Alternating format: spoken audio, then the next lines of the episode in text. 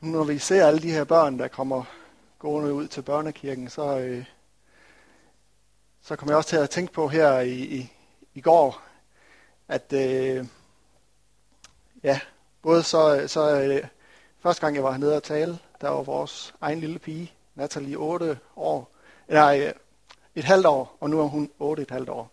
Så det er 8 år siden, at øh, jeg kom herned første gang. Det har jeg sagt tidligere, men hvad der slog mig i går, det var, at øh, så må jeg jo også have været 8 år yngre dengang.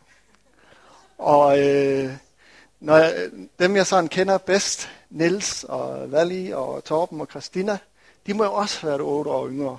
Og når jeg så ser dem i dag, og ser, hvor, hvor unge og yndige de stadigvæk ser ud, så må vi godt nok have været pure unge dengang. Og i løbet af sådan en tid, jamen, jamen der sker der jo rigtig mange ting. Øh, livet det går både op og ned. Øh, når jeg står her foran jer i dag, fået min skjorte på, fået håret sat, jamen så kan man godt tænke, alt det går bare godt. Men jeg synes, det er vigtigt også nogle gange at åbne lidt op for, hvad der sker indeni, øh, for at, at undgå, at, at der kommer en afstand eller et glansbillede af dem, som står og deler Guds ord. Fordi egentlig så, øh, jamen det er jo det, jeg er kaldet til, men det er ikke fordi, at, at jeg har alle svar. Det er, øh, jeg kom til at tænke på sådan et, et billede i, i dag, at øh, hvis man forestiller sig et øh, skrivebord, øh, hvor man har nogle bunker papir, og en ene bunke papir, det er, er ligesom nogle af de spørgsmål, man har til Gud. Og den anden bunke papir, det er nogle af de svar, som man øh, deler ud øh, til, til mennesker igennem forkyndelse. Så vil jeg sige, at den bunke med, med spørgsmål er faktisk blevet større igennem årene. Og den bunke med, med, med svar, som jeg egentlig troede, jeg havde, måske blevet mindre.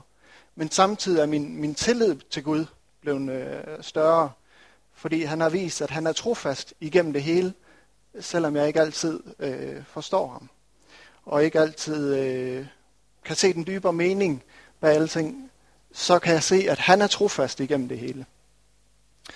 Øh, og her i, i, i efteråret, øh, i øh, oktober måned, der blev jeg indsat som øh, hjælpepræst i, i vores kirke.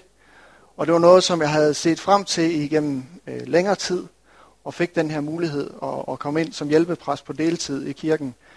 Øh, og det havde jeg jo glædet mig til, glædet mig til at komme i gang.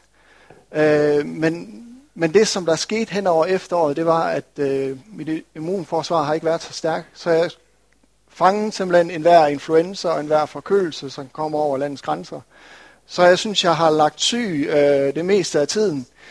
Og øh, når man sådan ligger syg, så, og så bliver syg igen, og så når lige at blive rask, og så bliver syg igen, så, så til sidst følger jeg mig sådan lidt slået ned, og slået lidt tilbage. Jeg havde ikke den samme energi til at få bedt og få læst i Bibelen. Og, øh, og jeg synes, jeg var sådan, da jeg endelig kom til, til øh, juleferien, Øh, der, jeg nåede lige at, at, at, at have en sygdomsperiode på 17 dage, hvor jeg lå, lå syg. 17 dage, hvor jeg bare lå i sengen. Ikke havde nogen kræfter. Nåede lige at være på arbejde to dage. Øh, og så kom jeg på juleferie. Og så skulle jeg starte op i det nye år. Og da, da, øh, jamen jeg kunne godt starte op igen øh, som pedel. Det er lidt lettere at bare komme ud på en skole, lave nogle praktiske ting flytte nogle stole, flytte nogle bord, gøre klar til eksamen og alt det her. Men ligesom at komme i gang igen som øh, hjælpepræst, det synes jeg, det var, det var svært. Og der, der er der sådan øh, øh, nogle vers i Hebræerne, som taler om øh, et princip, øh, hvordan man ligesom kommer i gang igen. Øh, fordi noget af det, som, som, øh, som vi oplever, når vi går igennem sådan nogle forskellige tider af vores liv, det er, at vi må, må øh, fæstne vores blik på Jesus. Og der er the, uh, the Message, en engelsk oversættelse, siger sådan her i uh, Hebræerne 12, uh, 1-3, siger sådan her, Hold dit blik festet på Jesus, som både startede og fuldførte et lidt løb, vi er med i. Studer, hvordan han gjorde det, for han mistede aldrig det mål af syne, han gik efter det begejstrende endelige mål med og i Gud. Han kunne udholde alt, der mødte ham på hans vej. korset, skammen, hvad end det var. Og nu sidder han der på ærespladsen, lige ved Guds højre side. Så når du finder dig selv vaklende i din tro, så gå igennem den historie igen, afsnit for afsnit. Den lang række af modstand, han pressede sig igennem, for det vil give dig et skud adrenalin ind i din sjæl. Og det var noget af det, som jeg begyndte at gøre her i det nye år. Begyndte at se på den her øh, rejse, som Jesus var igennem i de sidste dage. Hvad han gik igennem, og hvordan at han, han den attitude, den holdning, han havde til tingene, når han gik igennem det. Og det er det, som jeg gerne vil dele med jer her i dag. Men jeg vil bare lige starte med at, at bede øh, for budskabet her. Far, jeg takker dig for din trofasthed. Takker dig for, for det offer, som du gav gennem Jesus. Og jeg beder om, at, at øh, du må komme ved din helgen. Og når vi gennemgår øh, Jesus død og hans lidelse på korset, at du må give det her skud adrenalin ind i vores sjæl, at du må være med til at løfte vores sjæl op på ny. Her er der, hvor at vi oplever modløshed, derop, hvor vi oplever træthed, eller bare at komme ind i en tom rum i vores kristenliv. Her der beder om, at du må komme med, med frisk glød, med en frisk ild, og berøre os ved dig, Helligånd. Ikke noget, vi skal præstere, men et værk ved din ånd. Det beder om i Jesu navn.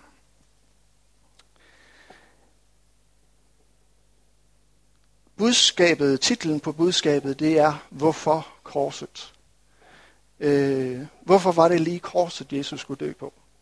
Og jeg ved ikke, om du kender det her, øh, hvis du er gift eller bor sammen med nogen, og du kommer hjem en dag, og de øh, sidder og ser en film sammen med nogle venner.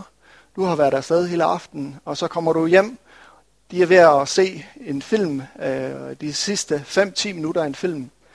Og du kommer ind i rummet, øh, og spændingen den er bare til at, at, til at føle på. Man kan mærke, der sker noget i rummet her. Den eneste, der kommer hen og hilser på dig, det er din lille hund, som øh, ikke er så engageret i filmen. Og ellers så sidder øjnene bare klister mod skærmen. Øh, og du kommer ind, sætter dig i sofaen, og øh, helten har lige udkæmpet sit livs kamp, og står der sammen med sin elskede i filmens sidste øh, slutning. Og øh, han ser hende dybt ind i øjnene, stadigvæk forpustet efter sin kamp, og så siger han den her sidste sætning, den sidste replik, som, øh, som ligesom har trådet tilbage i hele filmen. Den her sætning, man, der ligesom er blevet bygget op til, og man bare har ventet på, at han endelig fik taget sig sammen og fik sagt de her ord. Og da han siger den her sætning, den elskede omfavner ham, giver ham et kys, og musikken stiger bare op. Og det, som der sker med, med din kone og hendes veninder, som sidder i rummet, det er, at tårerne bare vælter frem, begynder bare at græde, og tager Kleenex frem og sidder og tørrer øjnene. Og du sidder der ved siden af, er lige kommet ind midt i en handling, og tænker, hvad, hvad skete der lige der? Øh, og det er ikke bare fordi, du er en mand, selvom det selvfølgelig også måske kunne være en grund til det. Men, men det er fordi, at der er en historie, som er gået forud for det. Og nogle gange, så er det sådan, at når vi går igennem ordet, at så går vi glip af den her impact, ordet har, den her berøring, som ordet egentlig skulle have på os. Fordi at vi kender det lidt for godt, eller fordi vi ikke fordyber os nok i det. At vi ligesom, øh, hvis man tager en film, og man ikke har tålmodighed, spoler frem over det, så kommer den der spænding ikke. Hvis man går lidt for hurtigt igennem ordet, så mister man lidt den her impact. Og jeg har fået på hjerte i dag at dele sådan her et afgørende ord. Og det betyder så ikke, at jeg forventer, at folk skal sidde og græde til sidst. Men jeg ønsker bare, at, at ordet får lov til at, at gå dybt i vores hjerter, gå dybt i vores liv. At vi bliver berørt af Guds ord. Og det er øh, derfor, jeg har stillet det her spørgsmål. Hvorfor korset? Og Paulus han taler sådan her i 1. Korintherbrev kapitel 1 og fra vers 18 af. For vel er ordet om korset en dårskab for dem, der fortabes. Men for os, der frelses, er det Guds kraft. Der står jo skrevet, de vises visdom vil ødelægge, de kloges klogskab vil til gøre. Hvor er de vise henne? Hvor er de skriftkloge? Hvor er denne verdens kloge hoveder? Har Gud ikke gjort verdens visdom til sit årskab? For da Gud i sin visdom ikke ville, at verden skulle kende ham gennem sin egen visdom, besluttede Gud at frelse dem, som tror ved den dårskab, der prædikes om. For jøderne kræver tegn, og grækerne søger visdom. Men vi prædiker Kristus som korsfæstet. En forarvelse for jøder og en dårskab for hedninger. Men for dem, der er kaldet jøder såvel som grækere, prædiker vi Kristus som Guds kraft og Guds visdom. Yes. For grækere søger visdom, og jøder søger tegn. At nogle gange, når vi taler omkring korset, hvis vi ikke rigtig forstår, hvad korset handler om, så kan det godt virke som en dårskab. Så kan det godt virke som, hvorfor lige korset? Hvad er den dybere mening med korset? Og man kan sige, selve henrettelsesmetoden, der var jo flere forskellige metoder, hvorpå at folk blev henrettet på den her tid. Så hvorfor var det lige korset? Hvis vi ser øh, med Stefan, Stefanus, den første martyr i kirken, der var det jøderne, som stenede folk, som tog sten op og stenede Stefanus til døde. Og på mange måder kan man sige, at der er en parallel mellem øh, Stefanus og imellem øh, Jesus, den måde han døde på. En af de bønder, som, som Stefanus også havde, det var, Herre, tilregn dem ikke denne synd. Han gik i forbøn for dem, som vil ham til livet. Midt i hans lidelse, midt i hans død, bad han for dem, som tog livet af ham. Ligesom Jesus også gik i forbøn. Så det var en måde, at jøderne stenede folk. Og man kan så sige, at det var romerne.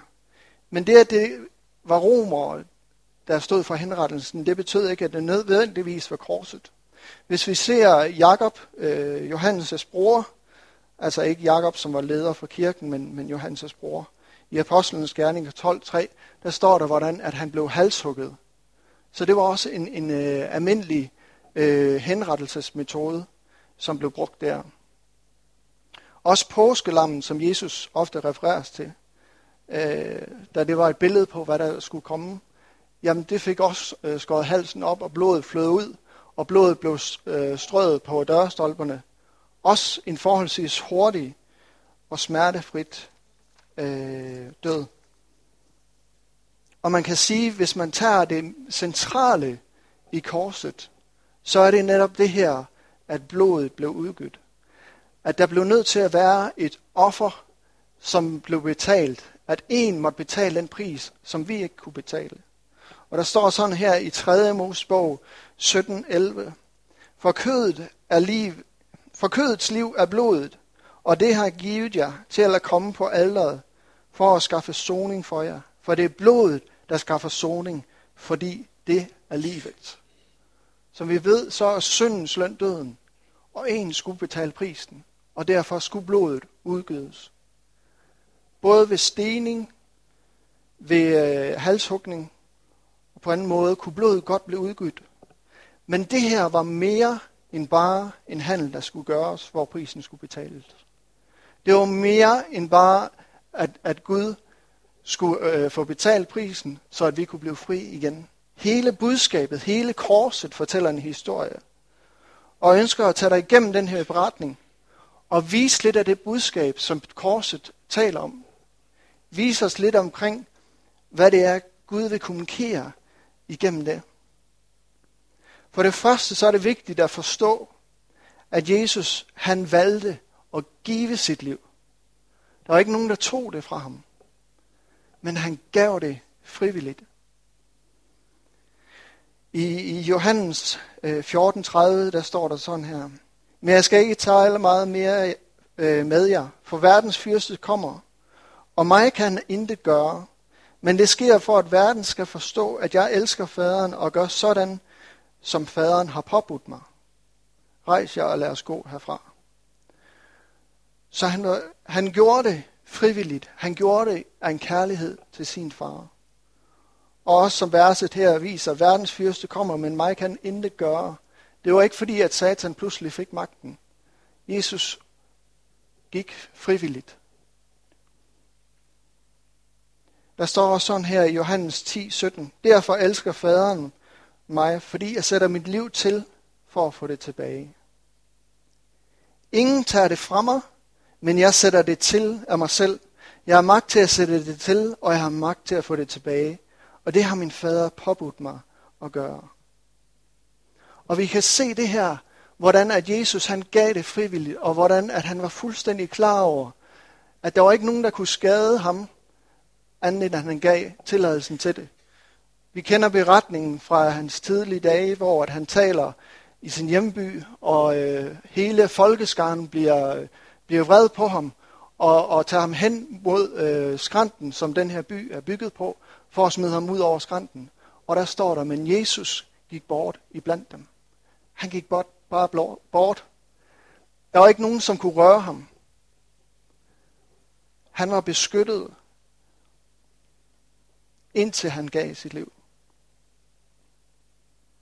Og de her to træk, de går igennem hele lidelseshistorien. Mennesker og mørkets magt havde kun magt over ham, fordi han gav sit liv. Det andet, som vi ser, det er, at døden på et kors var nøje udtænkt af Gud fra begyndelsen af. Det var ikke en, en løsning, en pludselig løsning, eller en løsning, som, som romerne valgte, fordi at nu var det lige den løsning, øh, som de havde på det tidspunkt. Korset var udtænkt ved Gud fra begyndelsen af. I den første profeti, allerede i tredje kapitel af Bibelen, øh, hvor at, at Gud kommer med nogle, med nogle ord, som indikerer omkring, hvordan korset skal være. Øh, det er der, hvor Adam og Eva har syndet, og Gud konfronterer dem med den her synd. Og slangen er der også, øh, og Gud taler til Adam og til Eva og til slangen. Og til slangen siger han, du skal bide hendes afkom i hælen, og, her, hende, og, og hendes afkom skal knuse dit hoved. Men det her med at blive bidt i hælen, taler omkring den her gennemboring af hælen, at det var allerede det, jeg tænkte på. Også der står sådan her, forbandet være en vær, der hænger på et træ. Det bliver der både talt om i 5. Mosebog og også Galaterne 3, 13. For Kristus har løskøbt os for forlovelsen forbandelse, ved selv at blive en forbandelse for os, for vores skyld. Der står skrevet, forbandet en vær, der hænger på et træ. Igen et vers, som taler omkring, hvordan Gud havde tænkt på det her. Og også en salme, som vi lige skal have besøg lidt. Øh, der er lidt flere vers, jeg vil læse op. Salme 22, fra vers 13 af. Salmen indledes med de her kendte ord, som, øh, som Jesus også udtaler på korset. Min Gud, min Gud, hvorfor har du forladt mig? Min Gud, min Gud, hvorfor har du forladt mig? Det var det, som Jesus han udtalte på korset. Men her er det skrevet ud fra, hvordan at David havde det. Og hvis der er noget, som jeg synes, der er stærkt i den her salme, så er det, at David udtrykker sit hjerte, føler, at Gud har forladt ham. Men netop der taler han mest profetisk. En af de mest profetiske salmer, som der er skrevet. Og nogle gange kan vi godt have en oplevelse, en følelse af, Gud, du er langt borte i den her tid. Men netop der i vores magtesløshed, der kan hans kraft udfolde sig. Nogle gange taler Gud igennem vores liv, uden vi er klar over det. Der, hvor vi selv føler og oplever, at vi er langt borte fra Gud. Det er der, hvor han kan komme til. Så vær ved godt mod, selvom du oplever nogle gange, at Gud, jamen du er langt borte. Hvor er du? Gud, han er stadigvæk nær og virker igennem dit liv. Der står sådan her fra vers 13 af. Øh, det, er, det er David, som ligesom sætter nogle billeder på hans oplevelse. Øh, der står fra vers 13, stærke tyre omgiver mig. Bøfler omringer mig. Rovgriske og brølende løver spærer gavet op mod mig. Jeg er som vand, der hældes ud. Alle mine knogler falder fra hinanden. Mit hjerte er som voks, der smelter i livet på mig. Min gane er tør som et potteskår. Min tunge klæber til gummerne, du lægger mig i dødens støv. Han taler omkring den her tørst, som Jesus oplevede på korset også, hvor han på et tidspunkt på korset siger, jeg tørster. Der står videre, hunde omgiver mig, en flok af forbrydere står omkring mig. De har gennemboret mine hænder og mine fødder. Taler omkring, hvordan er korset var udtænkt af Gud. Jeg kan tælle alle mine knogler, når man hænger på korset. Der er ikke nogen arme, der ligesom går ned. Der er ikke nogen ben, der synger sammen. Når man hænger på korset, kan alle ens knogler blive talt. De ser på mig med skadefryd. De deler min klæder mellem sig. De kaster lod om min klædning. Tal omkring det her, hvordan de romerske soldater øh, kastede terning omkring Jesu klædninger. Hele den her salme er skrevet lang tid før Jesu korsfæstelse. Men ved Guds ånd blev det inspireret til at fortælle, hvordan at korsfæstelsen vil falde til. Selv i en tid, hvor David følte, at Gud var langt bort fra ham. Esajas 53, 5, en meget kendt øh, kapitel også, øh, hvor det er svært at tage bare lige et, et vers ud, men øh, jeg har taget et vers, som taler specielt omkring det her. Der står sådan her fra vers 3. Men han blev gennemboret for vores overtrædelser og knust for vores synder. Han blev straffet for, at vi kunne få fred, og ved hans sår blev vi helbredt. Og igen i Zakarias 12:10. Og de skal se hen til mig, ham der var gennemboret. Hele Bibelen igennem taler omkring det her, hvordan er korset var tænkt og designet af Gud. Fordi der er et budskab i det.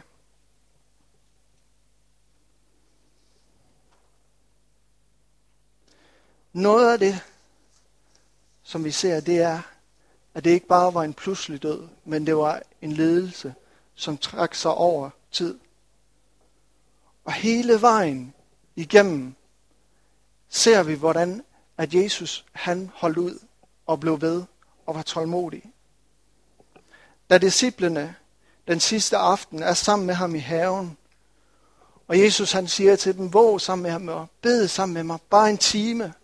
Han tager tre af sine mest trofaste mænd, Jakob, Peter og Johannes, og siger, bed sammen med mig.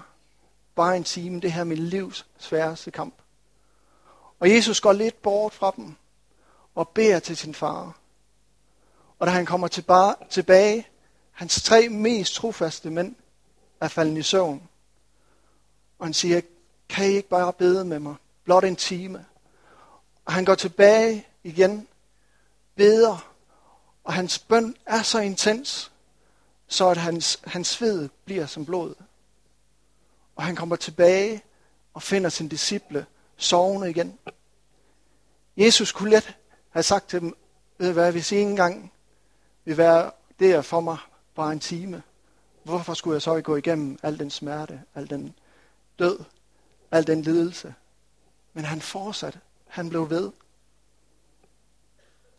Og han gik jo ikke bare i døden for sin disciple. Han gik jo ikke bare i døden for sin nærmeste mænd. Et er at vælge at gå i døden for sit barn. Og vælge at give sit liv, hvis man ser sit barns liv i fare. At man hopper ind foran en bil eller ind foran et tog for at redde sit barn. Eller et er, at man er trænet op som en bodyguard og giver sit liv for præsidenten, tager en kugle for manden at man gør det, som man blev trænet til. Men Jesus han gav sit liv for mennesker som dig og mig. Mennesker, som svigter deres ord. Mennesker, som svigter i den mest afgørende time. Mennesker, som flygter, når det er mest tiltrængt, at vi er der. Romerne 5, 7-8 øh, siger sådan her i den hverdagsdanske oversættelse. Der er ikke mange, der vil ofre livet for at redde et medmenneske. Jo, måske hvis det er et usædvanligt godt menneske. Men Gud viser sin kærlighed mod os ved, at Kristus offrer sit liv for os, mens vi stadigvæk var syndere. Han behøvede ikke, hvis han ville, kunne han have stoppet der. Hvis han havde taget det valg at stoppe, så var det ikke ud af magtesløshed, at han gik døden i møde. Det var ikke fordi, at der var en overmagt, som tog hans liv. Han kunne have tilkaldt engle, som kunne have beskyttet ham. Da de kommer, de her mænd, for at tage ham til fange, der står der sådan her, Matthæus 26, 51. En af dem der var sammen med Jesus, løftede hånden og trak sit svær og slog efter ypperste præsten tjener og huggede øret af ham. Der sagde Jesus til ham, stik dit svær i skeden, for alle, der griber til svær, skal falde for svær. Eller tror du ikke, jeg kan bede min far om på stedet at give mig mere end 12 legioner engle til hjælp? Men hvordan skulle skrifterne, der siger, at sådan skal det ske, blive opfyldt? Det var ikke en mand, som var magtesløs, som gik døden i møde. Det var en konge, som lagde sit liv ned. En konge, som vidste udmærket, hvilken magt, hvilken autoritet han havde. Pilatus konfronterer ham også i sit forhør. Og noget af det, som undrer Pilatus, det er, at Jesus ikke tager til genmæl, at han ikke begynder at forsvare sig. For de fleste, som står over og skal blive dømt for døden, enten prøver de at benægte deres skyld og sige, det var ikke mig, der gjorde det. Eller også så prøver de at trylle om noget, i håbet om, at selvom det var deres skyld, at de vil gå fri. Jesus gjorde ingen af delene. Han tav. Og der siger Pilatus sådan her i Johannes 19.10. Pilatus sagde så til ham, svarer du mig ikke? Ved du ikke, at jeg har magt til at løslade dig, og magt til at korsfeste dig? Jesus svarede ham, du havde ikke nogen som helst magt over mig, hvis det ikke var givet der ovenfra. Derfor har han der udleveret mig større synd. Hele vejen igennem ser vi, hvordan at Jesus er klar over, at han havde autoriteten, han havde magten, men han fortsatte alligevel. Han blev ved alligevel. Det var et offer, som han valgte at bringe. Det var et offer, som han valgte at give. Han valgte at lægge sit liv ned. På korset, der kæmpede din els- den elskede for sin hustru. Som der står omkring, at, at kirken er, en, er som en hustru, der blev vundet. Han gjorde det på sådan en måde, med sådan en udholdenhed, med sådan en passion, at når vi ser på korset, ser de her lidelser, så vækker det vores kærlighed, som vi allerede har hørt et par gange i dag, at så elsker vi ham. Vi elsker ham, fordi han elsker os først. Når vi ser den kærlighed, den udholdenhed, så vækker det vores kærlighed. Det er ligesom Abraham, da han bliver sat til prøve øh, af Gud, til at skulle ofre sin søn. Gud kommer til ham og siger, at han skal ofre Isak, sin eneste søn. Isak, som han har ventet på i så mange år. Og der står omkring Abraham, at næste dag rejser han sig op tidlig morgen og drager afsted. To dage senere ser han det bjerg, han skal ofre på. I to dage vandrer han den her rejse sammen med sin søn, sammen med tjenerne. Jeg tror, der er en grund til, at Gud lod ham gå to dage. Fordi et er at tage en hurtig beslutning. Gud taler til dig. Du går ind og slår din søn ihjel. Det vil være svært, men du når ikke at tænke. Du når ikke at have alle dine følelser involveret. Men at gå to dage to nætter sammen med din søn. Du når virkelig at tænke over den her beslutning. Du når over at tænke over din hustrus reaktion. Du når over at tænke over de år, du har haft sammen med dit barn. En frygtelig vandring. Men Abraham gjorde det i en tillid til, at skulle Isak offres, vil Gud også bringe ham tilbage. Da han går fra tjenerne og siger, vi går op for at tilbede, og så kommer vi tilbage. Han vidste, at han kom tilbage med sin søn, om det så var igennem opstandelse. Den tillid havde han til Gud. Øhm. Men da offringen så skal til at ske, sender Gud i stedet for en, en væder, hvis horn sidder fast i øh, krattet der. Igen et billede på Jesus, som træder i vores sted. Der, hvor vi skulle have været død, der bliver der sat et offer. Men da han har gået igennem de her to dage, og igennem den her udholdenhedsprøve, øh, der, der taler Herrens engel og stopper Abraham, da han skal til at ofre, og siger, nu ved jeg, at du frygter Gud, og end ikke vil nægte mig, din eneste søn. Når vi ser Jesus, ser det offer, som han bragte, ser den lidelse, som han gik igennem, hvor det ikke bare var en, en hurtig død, hvor det ikke bare var en halshugning, som var overstået, og så var prisen betalt. Men at vi ser en mand, som gang på gang bliver ved og er udholdende, der kan vi sige, nu ved jeg, Gud han elsker mig. Nu ved jeg, han går igennem alt for mig. Og det var en del af designen af korset. Det var at vække vores kærlighed og beundring for vores held.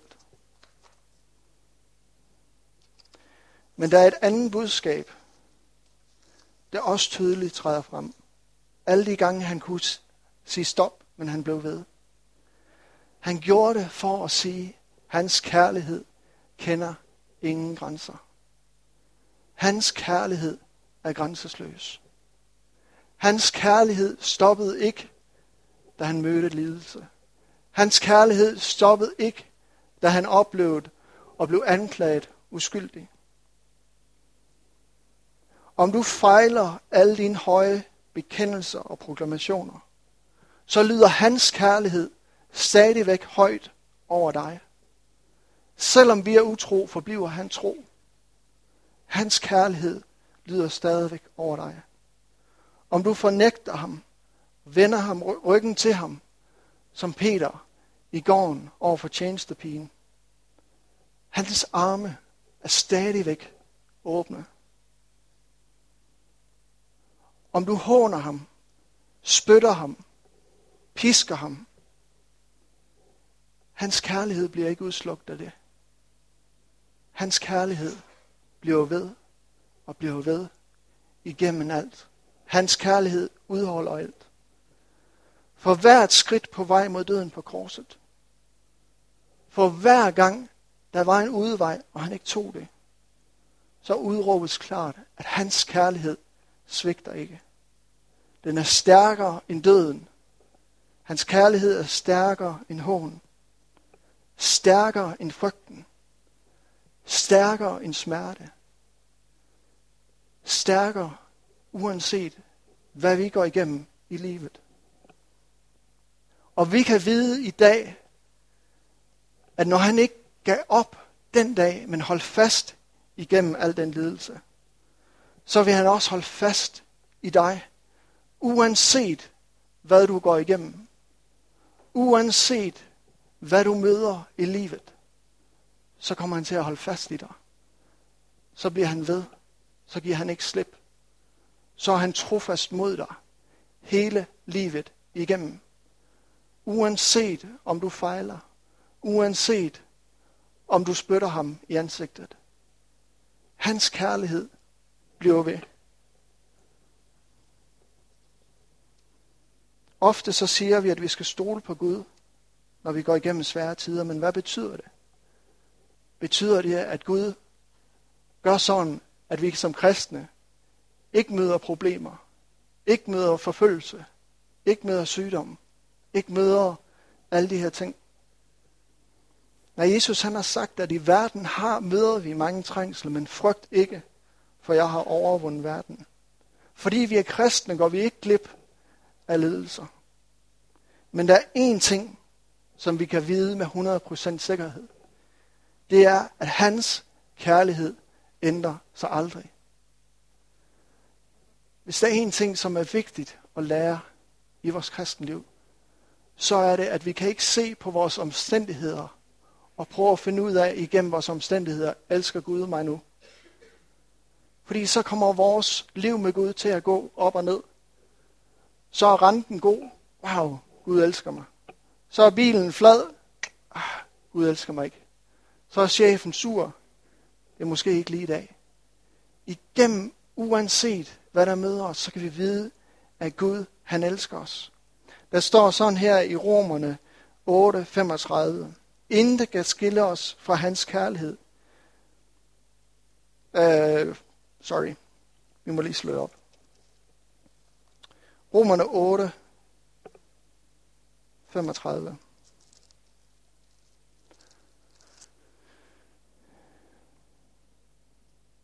Hvem kan skille os fra Kristi kærlighed?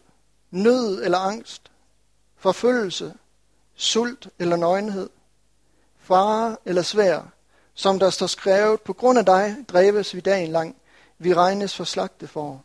Men i alt dette mere end sejrer vi ved ham, som har elsket os. For jeg er vidst på, at hverken død eller liv, eller engle, eller magter, eller noget nuværende, eller noget kommende, eller kræfter, eller noget i det høje, eller i det dybe, eller nogen anden skabning, kan skille os fra Guds kærlighed i Kristus, Jesus og Herre. Vi kan altid vide, at Guds kærlighed er den samme. Du kan altid vide, at er tryg og sikker i den, han er. Det er ikke sikkert, at vi får at vide den store plan, den store tegning for vores liv. Det er ikke altid, vi kender timingen i, hvad Gud gør i vores liv, men vi kan altid vide, at han er trofast. Vi kan altid vide, at hans kærlighed aldrig svigter igennem vores liv.